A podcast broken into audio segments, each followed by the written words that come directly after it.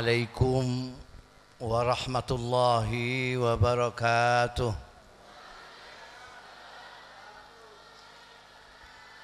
الحمد لله نحمده ونستعينه ونؤمن به ونتوكل عليه ونستغفره ونتوب إليه ونعوذ بالله من شرور أنفسنا ومن سيئات أعمالنا.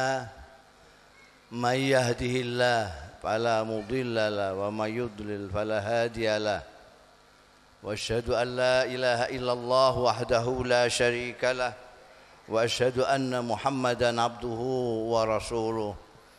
اللهم فصل وسلم وبارك وترحم وتحنن على عبدك ورسولك سيدنا ومولانا محمد وعلى آله وأصحابه ومن تبع هداه أما بعد حضرات الأفاضل سادة العلماء والأساتذة على إزاء وفي المقدمة صاحب الفضيلة سيد الأخ كياي معروف زين الدين di Maizuh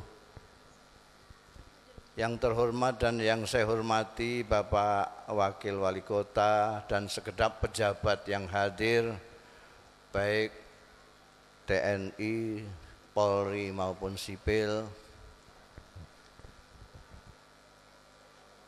Poro ibu nyai khususipun nyai Aina Ainul Mardiyah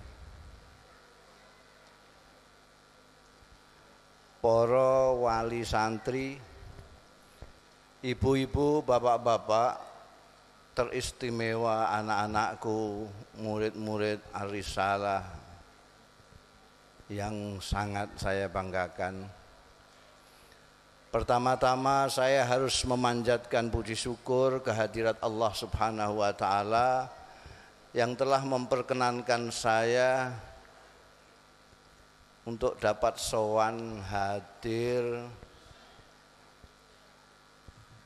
di majelis yang istimewa ini bersama-sama keluarga besar Arisalah memperingati hari lahir junjungan kita pemimpin agung kita Nabi Muhammad sallallahu alaihi wasallam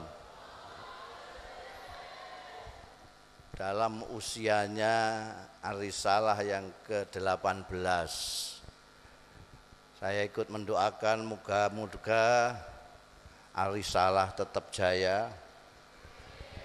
Semakin barokah semakin bermanfaat semakin memproduksi insan-insan yang dapat menata kehidupan di negeri ini dengan yang lebih baik. Allahumma amin. Kalau selama ini saya agak-agak pesimis melihat Indonesia ini. Tapi malam ini optimis saya timbul kembali.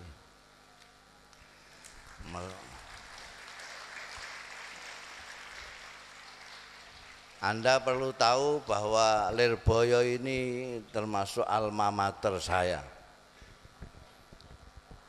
Saya tidak bisa membayangkan tiba-tiba Lirboyo mempunyai arisalah. Dulu ketika saya di Lirboyo ini baca koran aja haram apalagi majalah itu haram mughaladah itu.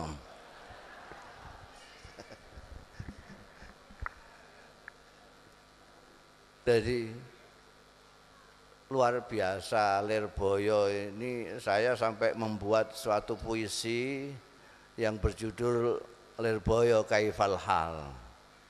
Dan itu dijawab oleh Arisalah ini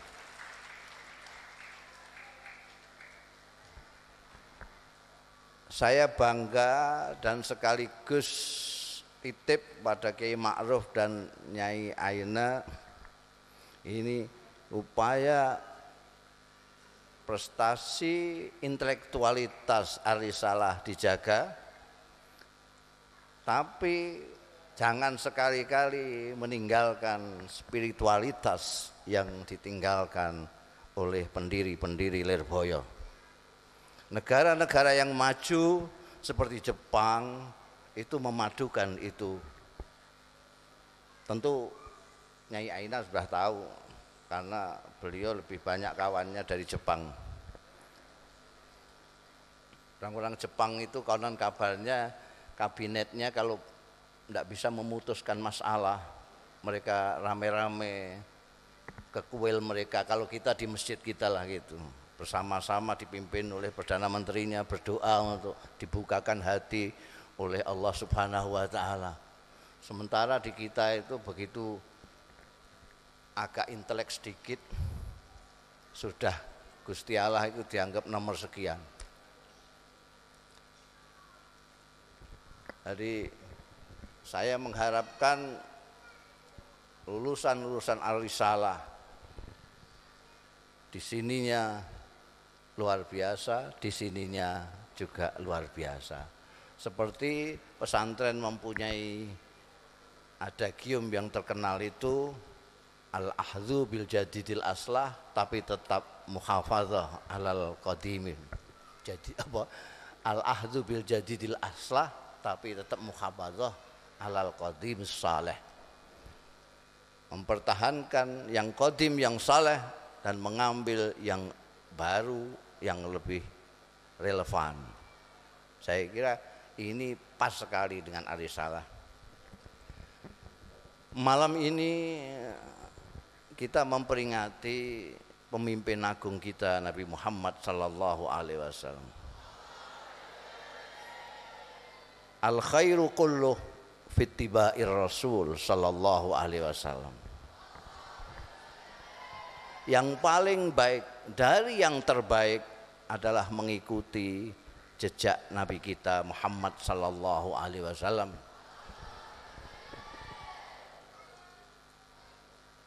Karena itu tepat sekali kalau tadi Nyai Aina mengatakan bahwa salah satu yang dipertahankan yang akan menjadi tujuan dari Arisalah adalah membentuk insan-insan yang berakhlak al-karimah.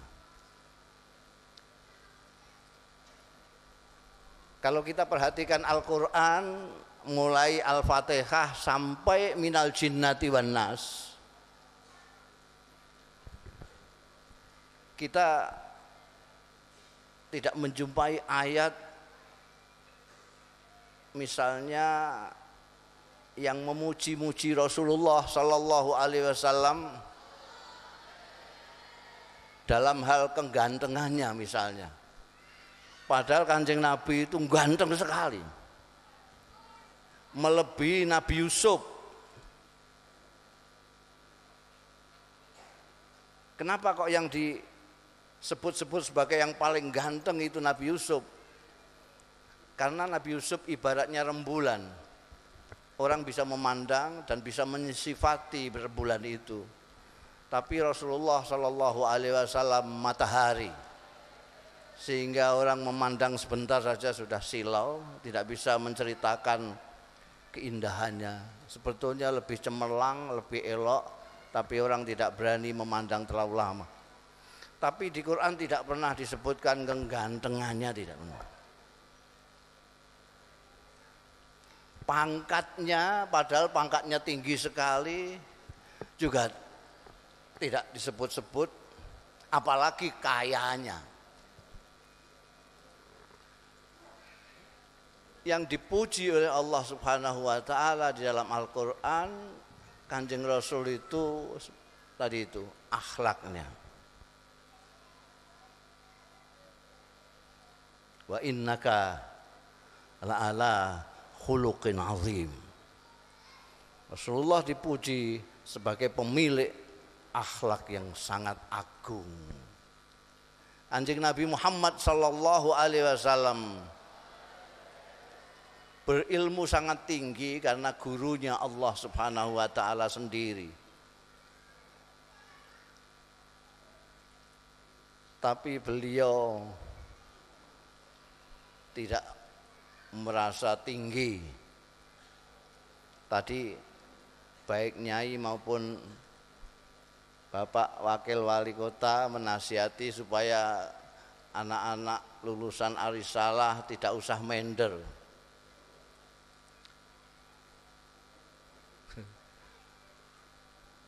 Saya kira tidak akan mender kalau punya ilmu tidak akan mender. Yang saya khawatirkan justru sebaliknya. Begitu lulusan Arisalah terus nepuk dada. Ini Arisalah, apa lu? Cuma SMA biasa tuh. Kecil. Nih, mau bahasa Jepang, Mandarin, Inggris, Arab. Ini yang saya takutkan sekarang tidak ada. Kalau dulu santri Lirboyo itu ada yang mender itu pantas. Muga baca koran aja tidak boleh. Beli sate aja menek ning tembok. Nonton bal-balan apalagi haram semua pokoknya haram. Jadi minder lihat itu. Ngerti nih yo Fa'ala, fa'ala, fa'alu, fa'ala, bangsa gitu-gitu terus di dinyek-nyeki sama orang luar itu. Sekarang enggak ada yang apa yang dimenderkan itu apa? Di luaran itu apa sebetulnya? Hebat itu apa yang hebat?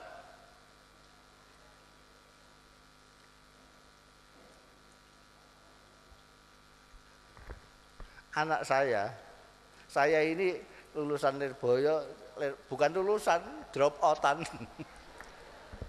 Bayangkan kalau saya lulus, saya ini drop outan. Hanya dua tahun saya di Lirboyo ini.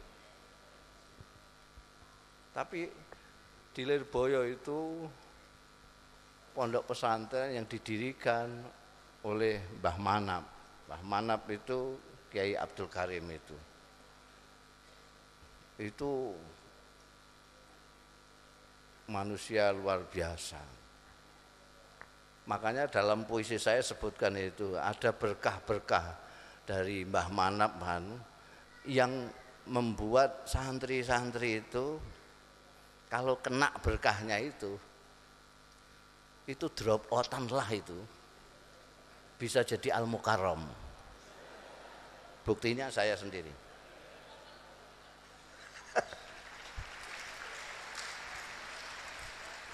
Berkah-berkah Mbah Manap.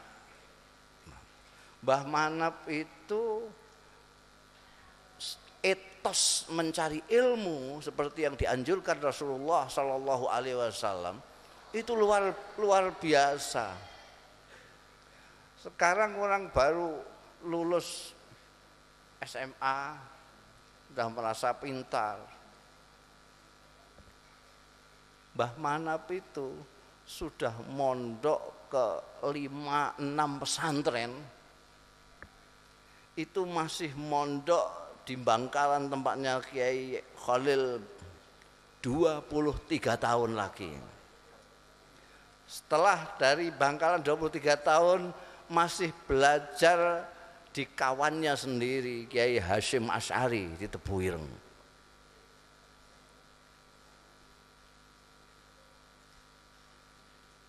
Jadi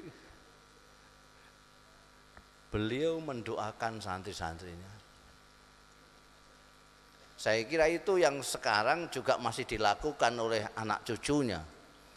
Bukan hanya mengajar, bukan hanya mendidik santri-santri, tapi yang lebih penting karena saya drop out. Yang lebih penting adalah doa beliau-beliau. Kemarin saya cerita, di kolnya Gus Imam bagaimana santri-santri dibicarakan di UGM Yogyakarta. Bagaimana kok anak-anak ini bisa lulus di tes padahal pelajaran-pelajarannya banyak yang bukan pelajarannya anak santri.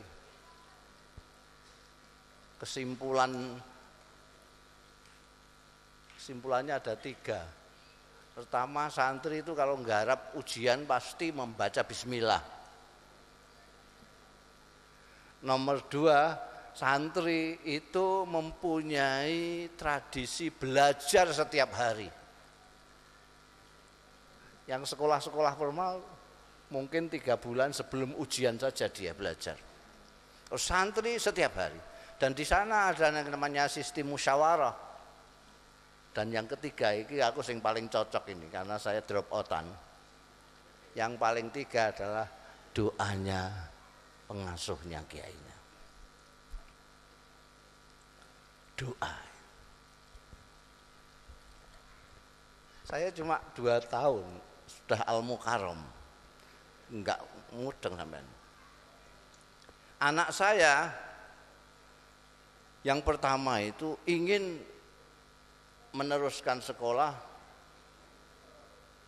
di UGM. Saya tanya, kamu ingin di UGM ada apa? Saya kepengen di Fakultas Sastra Perancis. Saya bilang kalau kamu bisa memberi alasan kepada saya mengapa memilih Fakultas Sastra Prancis, saya akan lepas kamu tanpa pakai syarat. Apakah kamu ingin nanti menjadi pegawai kedutaan Prancis? Apa ingin memperdalam budaya Prancis? Kalau kamu bisa, saya lepas tanpa syarat. Tapi kalau tidak akan saya kasih syarat. Ternyata dia tidak bisa memberi alasan. Pokoknya saya kepingin di sana gitu aja. Tidak bisa menjawab kenapa. Maka saya kasih syarat. Kamu boleh di sana, tapi harus di pondok. Dan pondok nomor satu, OGM nomor dua. Kalau ada acara berduaan, bersamaan, harus kamu menangkan pondok pesantren, mengalahkan. Kalau mau saya antarkan ke kiaimu sendiri. Saya antarkan, saya beritahu sama kiainya, kiai ini begini sudah janji sama saya. Ini yang samben itu kuliahnya yang pasti itu di pesantrennya Jadi nanti kalau ada acara bersamaan yang dimenangkan ada pesantren. Ternyata tidak pernah bersamaan intilah kebetulan itu. Baru tiga bulan dia kuliah, dia nelpon saya. Nelpon saya, alumni Lirboyo dua tahun itu. Bah, ini saya disuruh dosen-dosen saya untuk menghubungi Abah. Ada apa? Mereka minta waktu Abah ceramah di UGM. Saya bilang, Lila kamu ngapain ke kuliah di UGM kalau dosen-dosenmu minta kuliah saya?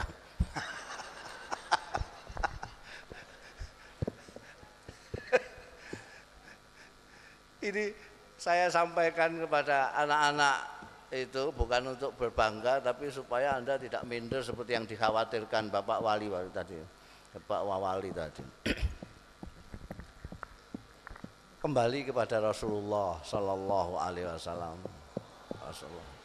Saya tadi mengatakan al khairu kulluh fitibair Rasul sallallahu alaihi wasallam. Rasulullah mempunyai ilmu yang sedemikian hebatnya tapi yang dipuji oleh Allah adalah akhlaknya. Apa ini artinya? Artinya anak-anakku bahwa ilmumu itu hendaklah menjadi suatu alat untuk membuat kamu berakhlak yang luhur. Ada orang yang berilmu tapi ahlaknya semakin merosot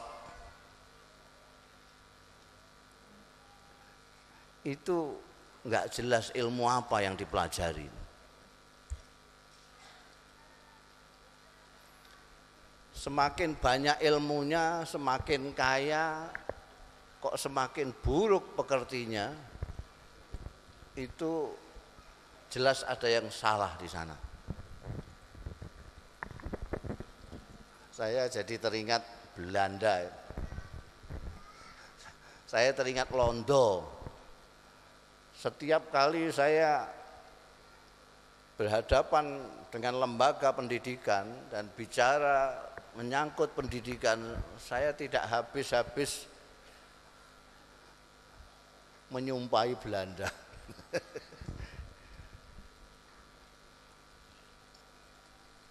Menurut saya Belanda itu yang mengacaukan pendidikan kita.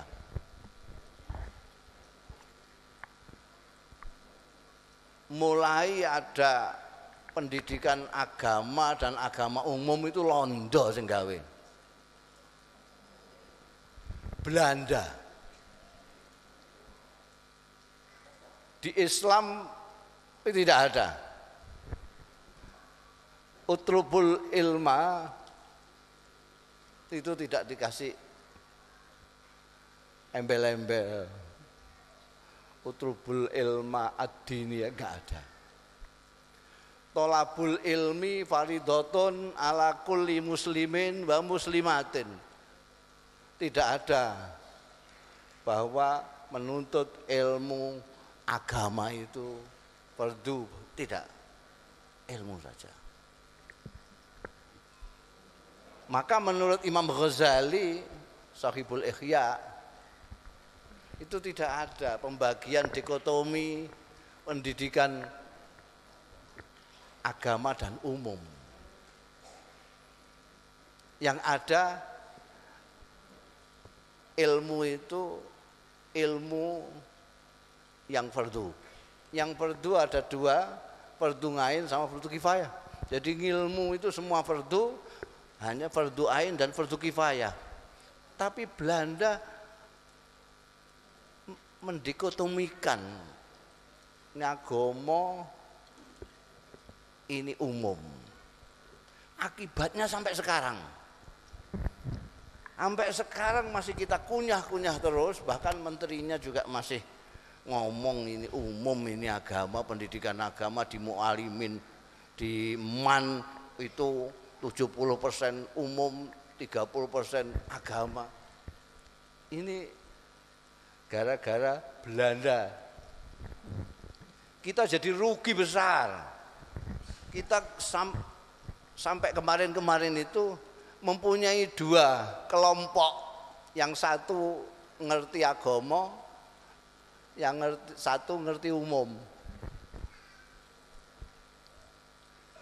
terus ada SD, SMP, SMA, ada ibtidaiyah, ibtidaiyah, sanawiyah, aliyah.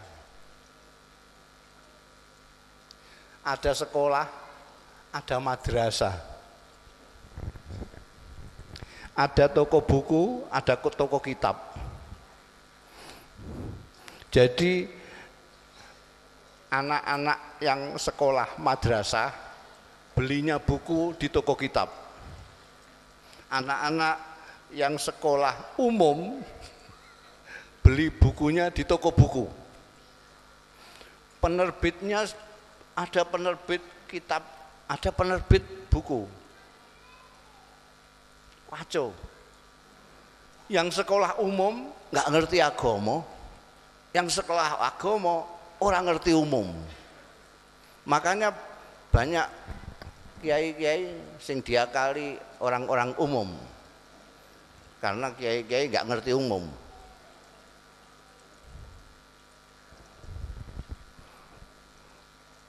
Bikin jembatan umum. Bangun-bangun umum Hmm.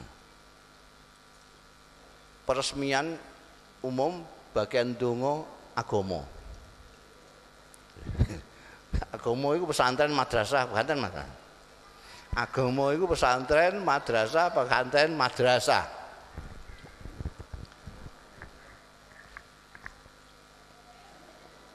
Umum SMP, SMA, perguruan tinggi. Akhirnya apa? Yang keluaran madrasah, keluaran eh, pondok pesantren, ini yang nggak ngerti umum.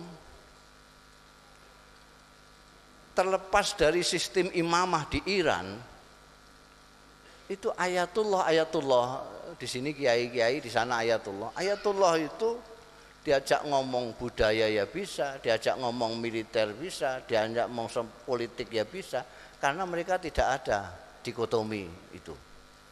Kalau di sini enggak.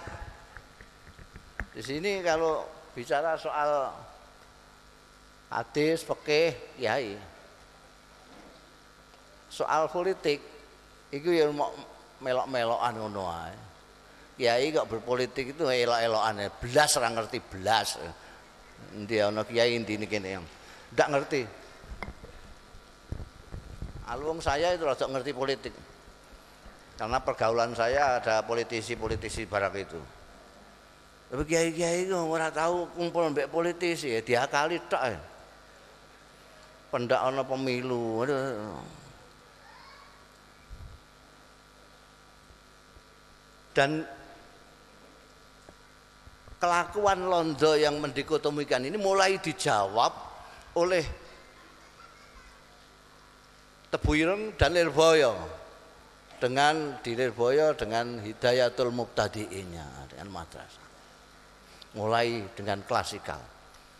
Tapi yang betul-betul menjawab itu memporak-porandakan strategi Belanda memisahkan itu adalah Arisalah ini Karena itu salah. Sudah lagi tidak membedakan umum dan agama, tetapi fardu dan fardu kifayah. Kedua-duanya ada di sini. Ini sangat apa namanya? Mudah-mudahan ini menjadi percontohan nanti untuk seluruh Indonesia sehingga kita tidak lagi bicara toko buku, toko kitab. Ada madrasah, ada sekolah. Itu kan lucu sebetulnya Anaknya di mana? Ah, sekolah madrasah. Sekolah kok madrasah?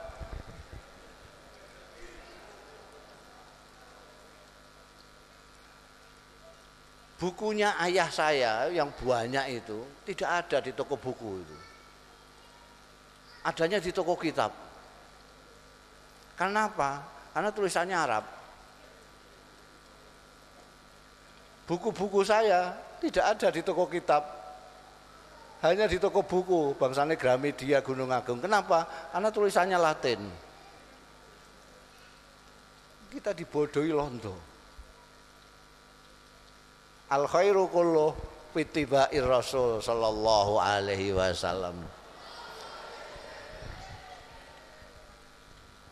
Yang terbaik dari yang baik adalah mengikuti Rasulullah sallallahu alaihi wasallam dalam kehidupan Rasulullah Shallallahu Alaihi Wasallam itu tidak membedakan ini lebih penting dari ini, ini harus ditinggalkan, ini yang harus dipentingkan, tidak.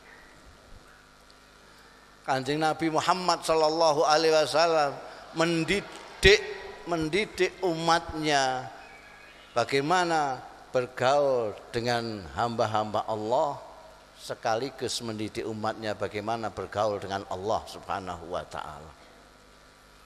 Maka pendidikan Rasulullah sallallahu alaihi wasallam melahirkan manusia-manusia yang soleh. Manusia yang soleh itu, nah ini biasanya kita itu mau munamuni solah soleh terus saya tapi karena tidak pernah ada yang menjelaskan jadi orang mengira soleh itu ya koyok kiai anu kae soleh itu seperti apa? Ya seperti Kiai Marzuki, Kiai Mahrus, Kiai Abdul Karim. Gitu. Lah kalau soleh itu standarnya Kiai tok, lah yang kasihan yang wali kota, polisi, guru barang ini gak uman soleh. No.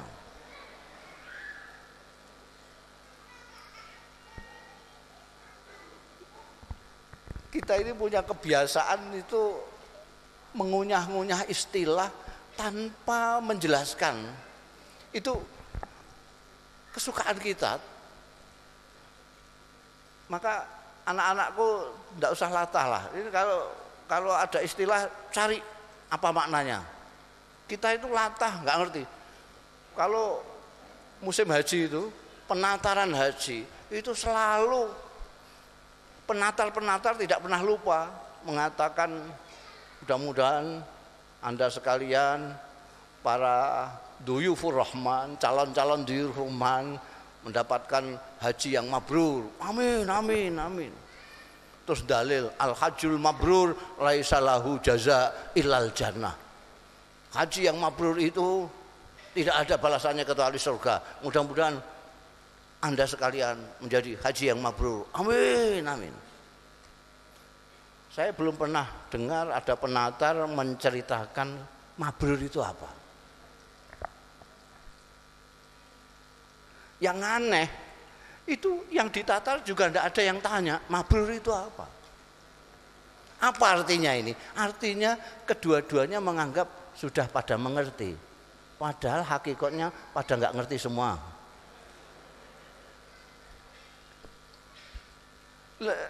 mereka yang ditatarkan itu bagaimana cara tawab, bagaimana cara sa'i, bagaimana cara wukuf. Ini muskil sekali. Masa mabrur urusannya sama tawab? Tawaf itu cuma mubeng-mubeng aja. Orang sebodoh apa pun tidak akan keliru tawaf itu. Sebab kalau keliru ketabrak orang lain, karena semuanya kiri ke kanan sendiri. Sa'i itu cuma wirawiri dari sofa wira dari marwah wiri wirawir dan itu sudah ada jalannya dibikinkan jalan sendiri-sendiri tidak mungkin tabrakan wukuf sebagai intinya haji itu tengok-tengok wukuf itu bahasa lugotan bastilahan maknanya tengok-tengok wama adro kama tengok-tengok tengok-tengok kok ditatarkan itu gimana orang mengatakan mabrur tidak dijelaskan. Mengatakan soleh tidak pernah dijelaskan. Jangan-jangan bicara politik tidak ada yang menjelaskan apa itu politik. Saya khawatir lagi orang bicara Islam, Islam, Islam tidak ada yang menjelaskan Islam itu apa. Karena menganggap semuanya sudah paham, padahal semuanya tidak paham soleh yang dihasilkan oleh didikan Rasulullah Shallallahu Alaihi Wasallam itu soleh itu dari kalau santri-santri sudah tahu lah itu asalnya maknanya dari, dari pantas itu pantas. Soleh itu pantas. Jadi orang yang soleh itu tidak perlu harus kiai. Wakil wali kota juga bisa. Kepala dinas pendidikan juga bisa. Polres juga bisa. Wakapolres juga bisa. Polisi juga bisa. Asal pantas. Pantas apa pantas sebagai hamba Allah. Pantasnya hamba Allah itu apa? Baik dengan Allah dan baik dengan hamba-hamba Allah. Itu soleh. Baik dengan Allah dan baik dengan hamba-hamba Allah. Dan itu semua hanya bisa dicapai oleh ilmu ilmu yang tadi itu tidak pakai didikotomi. Ilmu seperti yang diajarkan di Arisalah ini.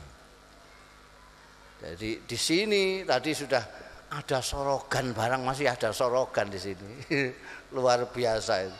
Sudah canggih sampai ke Beijing sampai ke Jepang sampai ke Jerman masih ada sorogan masih ada tahlilan ada dibaan itu luar biasa. Karena apa? Karena yang diperlukan adalah orang-orang yang baik dengan Allah baik dengan sesama. Baik dengan Allah yang menjaga apa yang dikendaki Allah Ta'ala. Dunia ini untuk dirusak apa dipelihara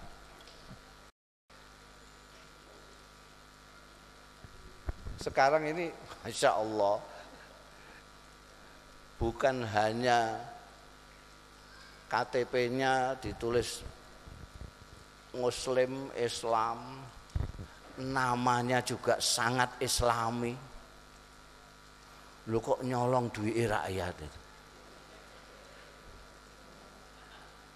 Itu kan luar biasa muskilnya ini. Ini dulu ngajinya di mana sekolahnya di mana? Maaf dari pendidikan. Saya itu sering ngeritik pendidikan kita ini pendidikan nasional kita ini. Seolah-olah tidak membedakan antara pendidikan dan pengajaran. Padahal pendidikan itu tarbiyah pengajaran itu taklim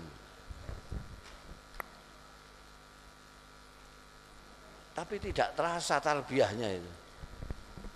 Dulu dulu sekali itu pondok pesantren itu terkenal dengan tarbiyahnya bahkan taklimnya itu dinyai sana sini. Itu apa itu? Saya masih menangi di Lirboyo ini ngaji sama Mbah Mazuki itu bangkunya pakai gegeri konco. Ngesai pakai gegeri konco koncone ngantuk ya tulisannya ndelewer. Tapi sekarang lihat aja tidak kalah dengan apa lembaga-lembaga pengajaran yang lain. Pondok pesantren tidak ada sekarang yang tidak ada sekolahnya. Semuanya sudah sekolah luar biasa. Gara-gara itu dikritik terus menerus ini apa itu? Pendidikan kok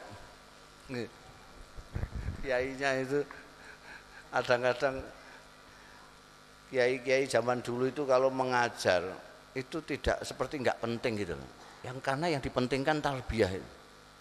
Maka dulu itu ngaji itu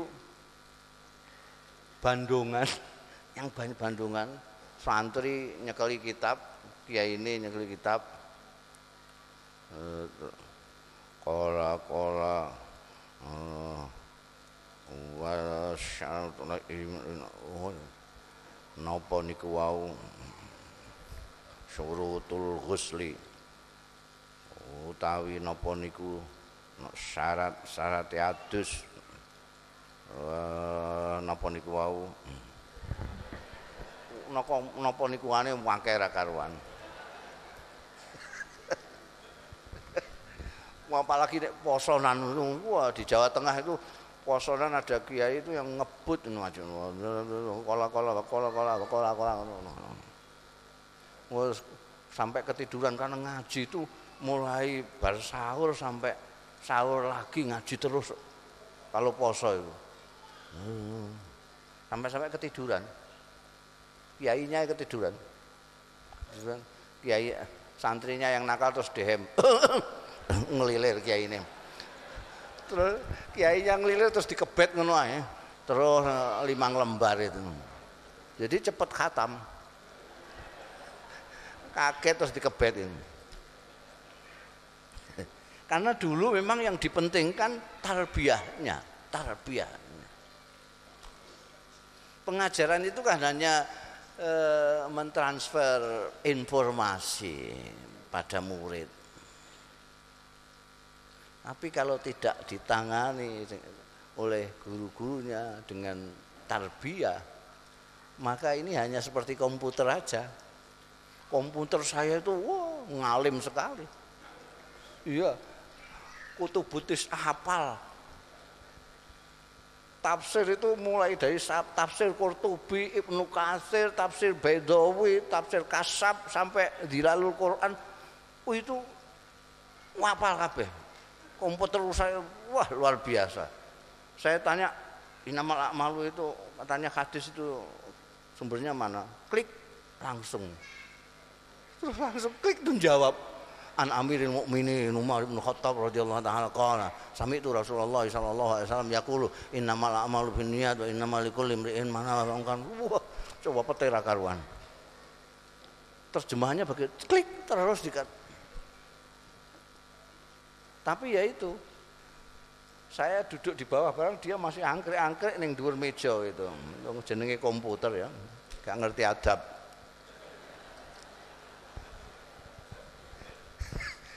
itu jadi kalau pengajar itu hanya transfer informasi kepada murid.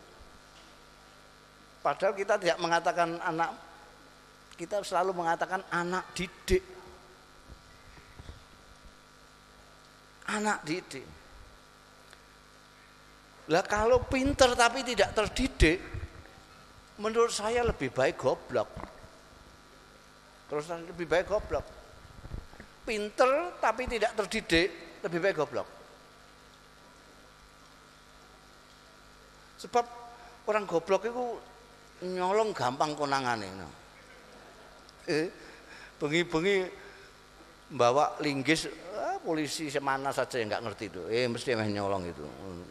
Lo tenan ngusir. Tapi kalau pinter tidak terdidik nyolong orang nganggu linggis. Cukup nganggu pulpen rek rek rek 5 miliar dapatnya banyak.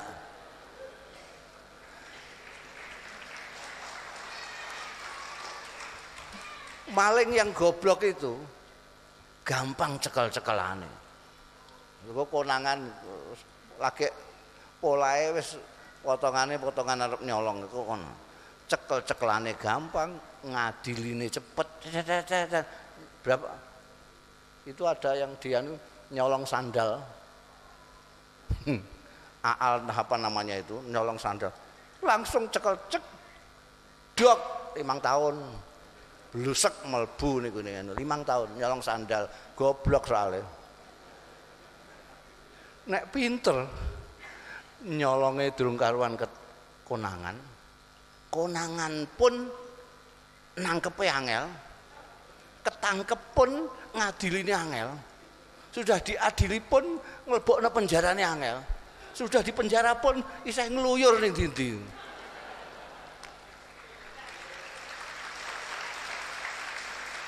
Jadi jadi lebih baik lebih baik goblok nek ora terdidik. Maka di pesantren itu yang unggulannya adalah pendidikan at-tarbiyah wa ta'lim. Pendidikan dan pengajaran.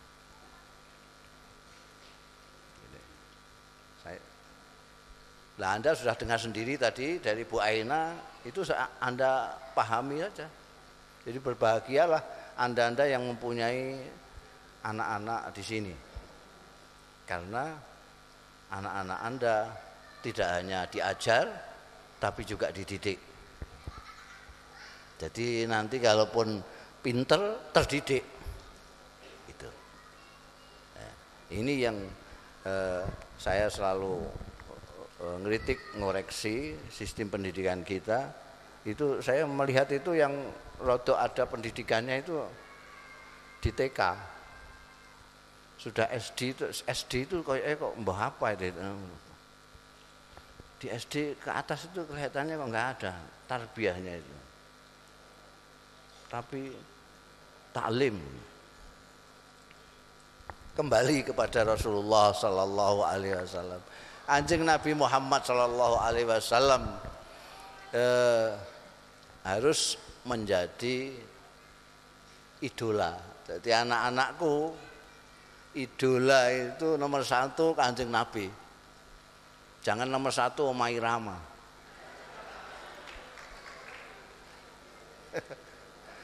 Satu kanjeng Nabi Muhammad Sallallahu Alaihi Wasallam.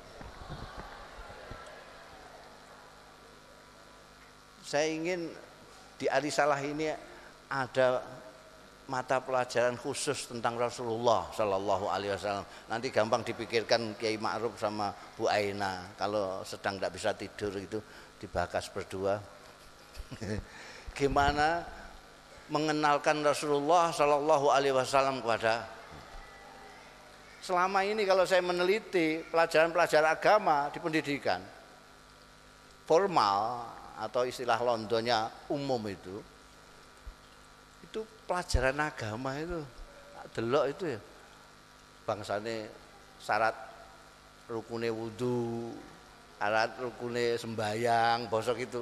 Kalau ujian kok syarat rukune wudhu piro dijawab murid sekian bener jumlahnya lulus. Mbah wudhu mbah orang muridnya ra urusan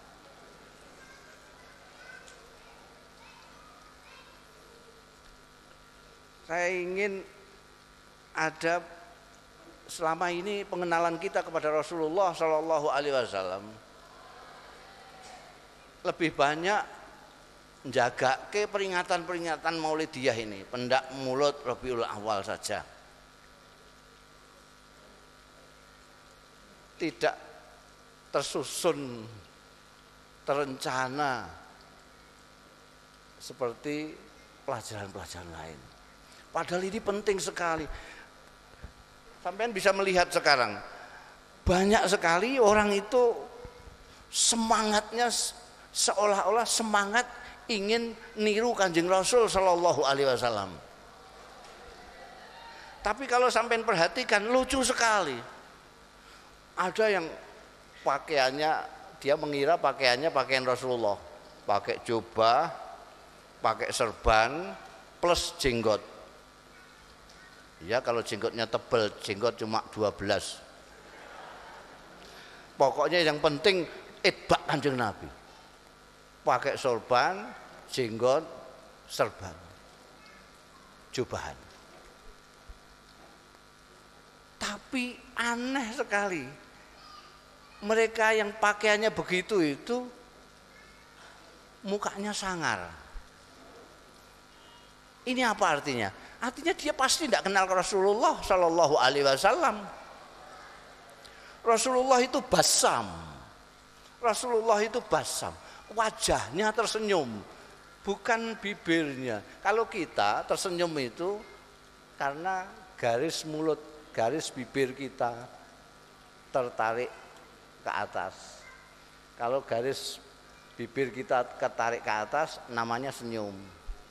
Kalau tertarik ke bawah merengut. Itu kalau kita. Kalau kanjeng Nabi Muhammad Wasallam tidak tergantung garis bibir karena wajah beliau basam.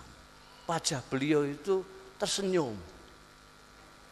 Maka kalau ada orang sumpek mau curhat kepada Rasulullah Shallallahu Alaihi Wasallam dulu kalau ada sahabat mau curhat kepada Rasulullah itu begitu melihat Rasulullah. Sumpek hilang sebelum curhat. Karena wajahnya basah. Sekarang ini tidak sumpek tidak apa. Melihat wajahnya senep neng weteng pakaiannya jubahan jadi kalau sampean pakai jubah, pakai serban, pakai jenggot dan ingin meniru Kanjeng Rasul, usahakan wajah Anda sumeh bahasa Jawanya. Sebab kalau tidak Anda itu tidak itbak Rasul tapi itbak Abu Jahal. Kenapa? Pakaian Nabi dengan pakaiannya Abu Jahal sama. Abu Jahal juga jubahan, serbanan, jenggoten juga. Karena kanjeng Nabi Muhammad Shallallahu Alaihi Wasallam itu menghargai budaya lokal. Sebetulnya Rasulullah bisa saja membuat wong Rasul kok kekasihnya Allah. Bisa saja Rasulullah itu membuat busana sendiri. Ini busana Muslim kayak orang Indonesia bisa saja. Orang Indonesia kan bikin busana Muslim. Yang lebih pantas bikin kan kanjeng Nabi. Dia Rasul. Tapi kanjeng Nabi tidak. Mengikuti sajalah. Lu nanti member dengan Abu Jahal, tidak apa-apa. Itu memang pakaiannya orang Arab kok. Kanjeng Nabi menghargai. Makanya dulu Gus Dur suka pakai suka pakai jahat apa? Pakai batik. Gus Dur sukanya pakai batik. Itbak kanjeng Nabi katanya. Karena itu pakaiannya setempat. Kanjeng Nabi pakaian-pakaian setempatnya Arab. Nah, dia pakaian setempatnya pakaian batik. Jadi yang batik-batik gini yang itbak Kanjeng Nabi.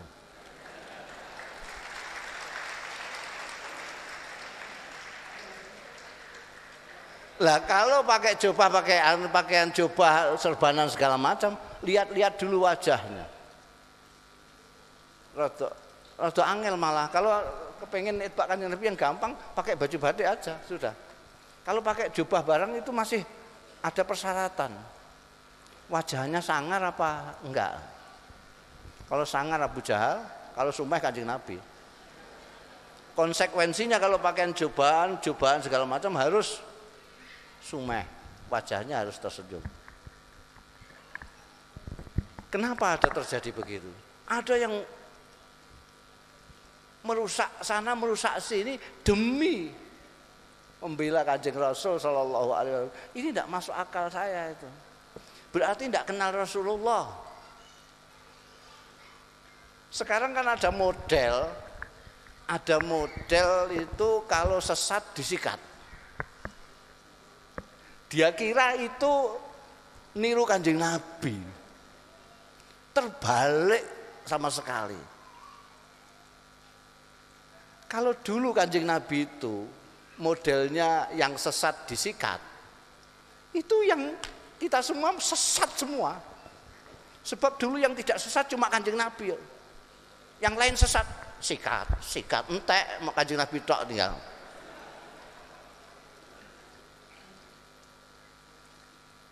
Kanjeng Nabi itu dilempari batu sampai tahu semua ketika di Taif itu. Orang tidak ada orang sesat melebihi orang Arab pada waktu itu. Orang jahiliyah itu. Bagaimana tidak sesat? Sesat paling sesat. Wong diajak nggak mau, kok ngelempar batu. Coba apa ada orang sesat melebihi orang ini?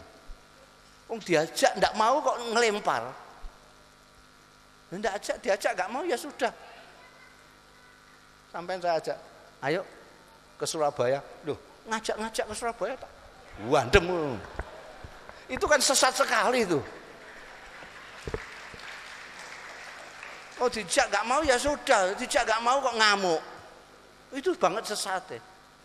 Sampai malaikat itu nawari kepada kanjeng Nabi. Kanjeng Nabi sampai itu kekasihnya Gusti Allah minta saja kepada Gusti Allah supaya orang-orang ini disikat saja. Sesatnya sudah keterlaluan ini. Minta aja pada Allah supaya disikat. Nanti saya yang nyikat. Malaikat itu sudah nawarin gitu. Tumpas saja, minta ditumpas. Nanti saya yang numpas. Saya yang ngeberki gunung mereka. Ya cara saya gini, sampean minta aja nanti saya yang ngerakit bomnya gitu. Kanjeng Nabi apa? Kata beliau, lo lo lo lo lo kok sikat-sikatan ini gimana ya? Saya ini diutus Tuhan untuk mengajak, bukan menyikat. Dipaksa-paksa berdoa, akhirnya kanjeng Nabi berdoa. Doanya adalah doa. Betul-betul doa orang yang mengajak. Allahumma di kaumi fa innahum layak lamun. Ya Allah, ya Tuhan, berilah petunjuk kepada kaumku. Mereka tidak tahu. Kalau tahu, mereka tidak akan marah wong sekedar diajak saja kok marah. Akibat kelapangan dada Rasulullah Shallallahu Alaihi Wasallam ini,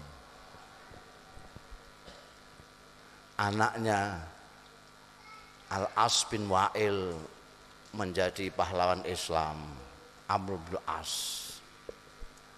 Anaknya jedulnya jahiliyah musuhnya kanjeng Nabi yang paling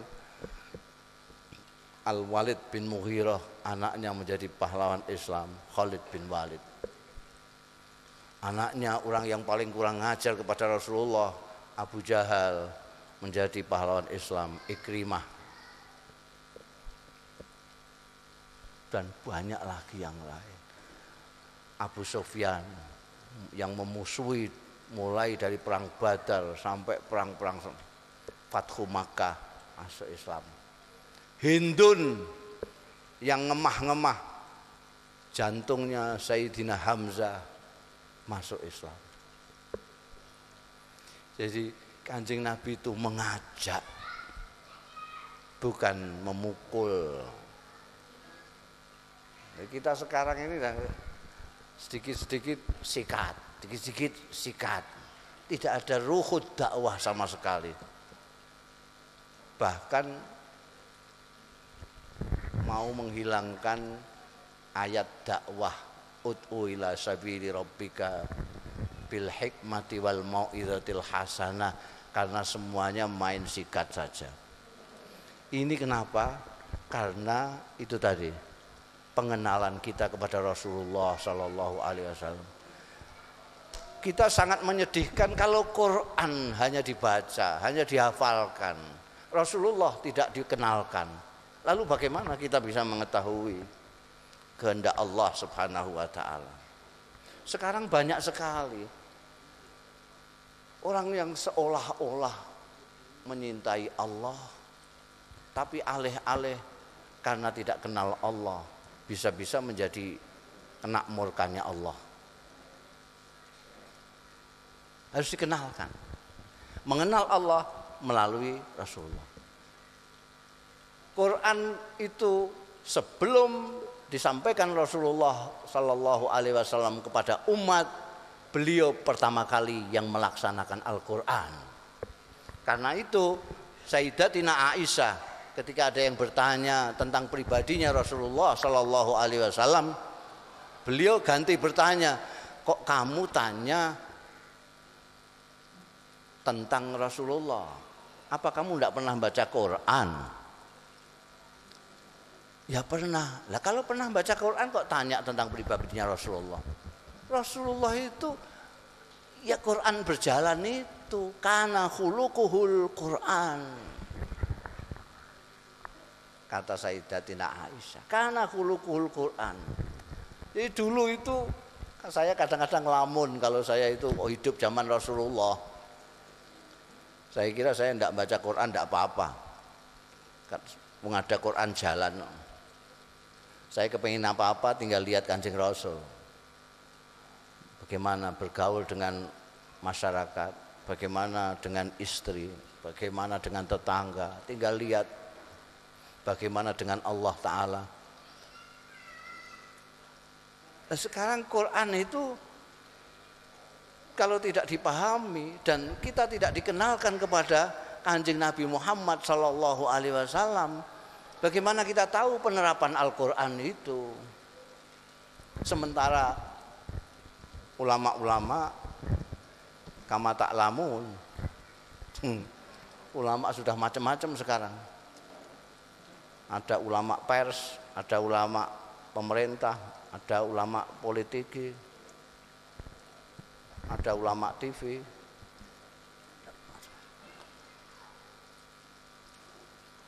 Jadi mengenalkan Rasulullah. Kalau tidak kenal bagaimana kita mau menyenangkan Allah? Kalau kita tidak kenal Rasulullah, bagaimana kita mengenal Allah? Itu urutannya. Kepada istri saja, kalau kita tidak kenal, hanya menjaga kecinta yang menggebu-gebu. Ini kebetulan ada istri saya. Nanti sampai cek kepada istri saya, ibu-ibu bisa ngecek. Istri saya ini cinta kepada saya sejak sebelum lihat saya, sebelum kenal saya.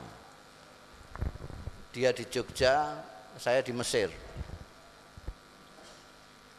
Tidak ada hubungan komunikasi kecuali surat-suratan. Surat-suratan itu setelah diizinkan oleh orang tua. Zaman dulu itu begitu ketatnya minta izin orang tua dulu baru surat-suratan.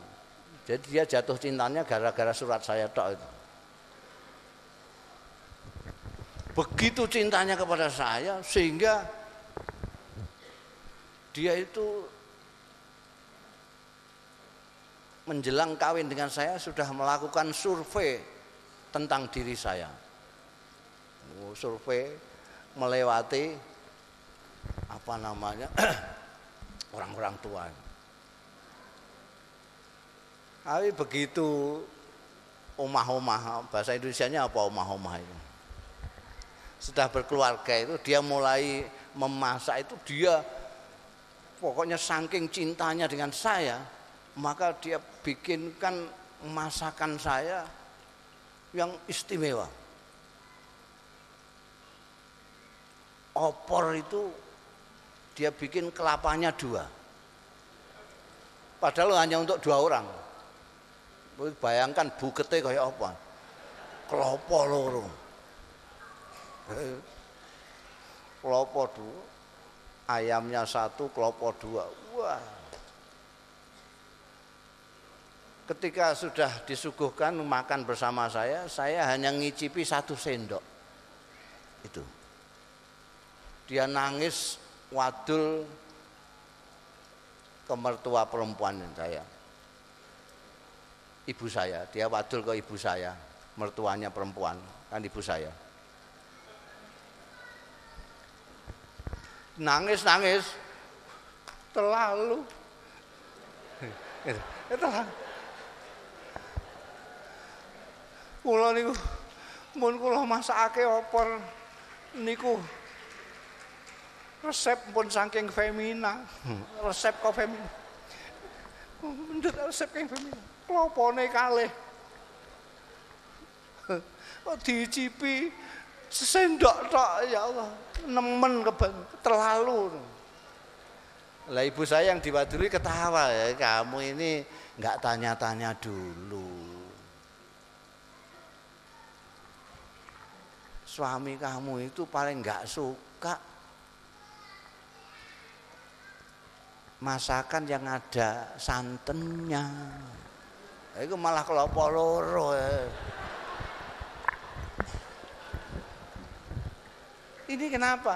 Karena dia menjaga no cinta tok. Mestinya dia harus mengenal saya, sukaan saya apa, anunya itu ada pengenalan dulu. Jangan terus anggur cinta. Pepeh cinta sama istri terus ada rok sepan harganya satu juta beli oh, pokoknya untuk istri saya mahal pokoknya rok sepan warnanya merah menyala harganya satu juta kasihkan istrinya oleh istrinya dibuat ngelapis sepeda kenapa dia nggak kenal dulu sama istrinya kenali dulu dia sukanya apa dia sukanya pakai jilbab pakai kain pakai tidak pakai sepan kayak gitu itu. Demikian pula kalau kita mau cinta kepada Rasulullah Shallallahu Alaihi Wasallam harus kenal Rasulullah. Mau menyintai Allah harus kenal. Kalau tidak lucu sekali, lucu sekali. Dia teriak-teriak cinta Allah, tapi kelakuannya melawan Allah Taala. Naudzubillah min dalik. Udah jam setengah satu. Saya kira jadi kesimpulannya gampang saja, kesimpulannya hmm, al khairu kulluh fitibai rasul. Sekarang kita tidak bisa tidak, kita harus kembali kepada Rasulullah Shallallahu Alaihi Wasallam. Di samping menjabarkan apa yang diajarkan Rasulullah Shallallahu Alaihi Wasallam dalam pendidikan, seperti yang dilakukan oleh risalah ini tapi juga harus menurut saya perlu ada mata pelajaran khusus pengenalan Rasulullah itu ada sama ilur Rasul Shallallahu Alaihi Wasallam itu jarang-jarang sekali dijadikan buku pegangan di dalam madrasah-madrasah biasanya Rasulullah itu kalau Siratul Rasul itu yang dipakai Nurul Yakin atau malah justru Muhtasar Nurul Yakin isinya perang tok. Nurul Yakin isinya perang tok. Karena dulu sejarah itu cikal bakalnya dari Maghazi. Memang orang kalau uh, kita lihat sejarah Yunani juga itu Homero segala macam itu persoalan perang dan itu tidak mengenalkan Rasulullah sama Alaihi Wasallam kecuali beliau sebagai panglima perang. Padahal Rasulullah Sallallahu Alaihi Wasallam beliau pribadi pemimpin umat. Di samping panglima beliau suami. Beliau pendidik. Beliau guru. Beliau banyak sekali menjadi contoh-contoh teladan siapa saja. Rasulullah pernah kaya. Jadi orang kaya bisa meniru kanjeng Rasul Kanjeng Rasul pernah berdagang, para pedagang bisa meniru kejujuran Rasulullah Shallallahu Alaihi Wasallam. Rasulullah pernah melarat, orang-orang yang melarat bisa meniru kesabaran beliau ketika melarat dan seterusnya dan seterusnya. Jadi tidak hanya, lah kalau Nurul Yakin itu diajarkan untuk apa akademi militer itu pas itu. Tapi kalau untuk yang umum ini sebaiknya sama ilur Rasul Shallallahu Alaihi Wasallam. Saya kira itu eh, terima kasih atas perhatian anda sekalian. Kurang lebihnya saya mohon maaf dan mudah-mudahan sekali lagi kita doakan anak-anak kita menjadi anak-anak yang mempunyai ilmu tapi sekaligus terdidik menjadi insan-insan yang soleh, solihah yang bermanfaat bagi masyarakat, agama, negara dan bangsanya. Itu saya akhiri nah. Oh. sekalian doa mari kita bersama-sama mendoakan eh, sebelum berdoa saya ingatkan dawuhnya Rasulullah sallallahu alaihi wasallam Innallaha la yasma'u du'aan min qalbin ghafil atau kama qala Rasulullah sallallahu alaihi wasallam Allah taala tidak berkenan mendengarkan doanya orang yang hatinya tidak ikut berdoa. Karena itu mari kita berdoa dari hati kita Mudah-mudahan doa kita dikabulkan oleh Allah Subhanahu wa taala. Bi barakatil Fatihah. A'udzubillahi minasyaitonir Bismillahirrahmanirrahim. Ar-Rahmanir-Rahim.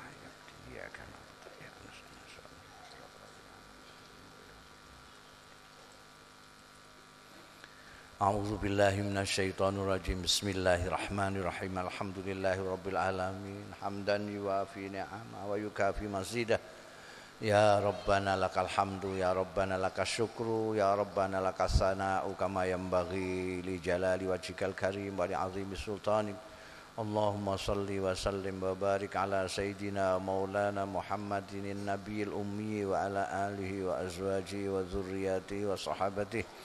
Allahumma salli ala Sayyidina Muhammadin Nuri dhati wa sirri sari fi sairil asma'i wa sifati wa ala alihi wa sahbihi اللهم صل وسلم وبارك على سيدنا ومولانا محمد الفاتح لما أغلق والخاتم لما سبق ناصر الحق بالحق والهادي إلى صراطك المستقيم صلى الله عليه وعلى آله وصحبه حق قدره ومقدار العظيم اللهم صل على سيدنا محمد الحبيب المحبوب شافي الإلال وفرج الكرب وعلى آله وصحبه وسلم Allahumma salli ala Sayyidina Muhammadin salatan tunjina biya min jami'il ahwali wal afad wa taqdilana biya jami'al hajat wa tutahhiruna biya min jami'is sayyi'at wa tarfa'una biya indaka 'ala darajat wa tuballighuna biya aqsal ghayat min jami'il khairat fil hayati wa ba'dal mamat. Allahumma bijahi Sayyidina Muhammadin sallallahu alaihi wasallam. Barakati suratil fatihatil muazzamah sab'il masani minal quran. وببركة هذا المجلس. اللهم لا تدع لنا بمجلسنا هذا ذنبا إلا غفرته ولا هما إلا فرجته ولا عيبا إلا سترته ولا مكروبا إلا نفست ولا معبودا إلا شفيت ولا دينا إلا قضيت ولا جاهلا إلا علمته ولا ضالا إلا هديت ولا مؤسرا إلا يسرته ولا فقيرا إلا أغنيت ولا طفلا إلا ربيت وأصلحت ولا طالب علم إلا نجحت وأعطيت taliba ilmin illa najahta wa ولا حاجة من حوائج الدنيا والآخرة هي لك رضا إلا قضيتها ويسرتها يا رب العالمين اللهم بارك لهذا المعهد اللهم بارك على الرسالة يا إلهنا اللهم بارك وانفع المسلمين والمسلمات والمؤمنين والمؤمنات من أمة محمد صلى الله عليه وسلم اللهم انفعنا بما علمتنا وعلمنا ما ينفعنا وزدنا علما نافعا اللهم انفعنا بما علمتنا وعلمنا ما ينفعنا وزدنا علما نافعا. اللهم انفعنا بما علمتنا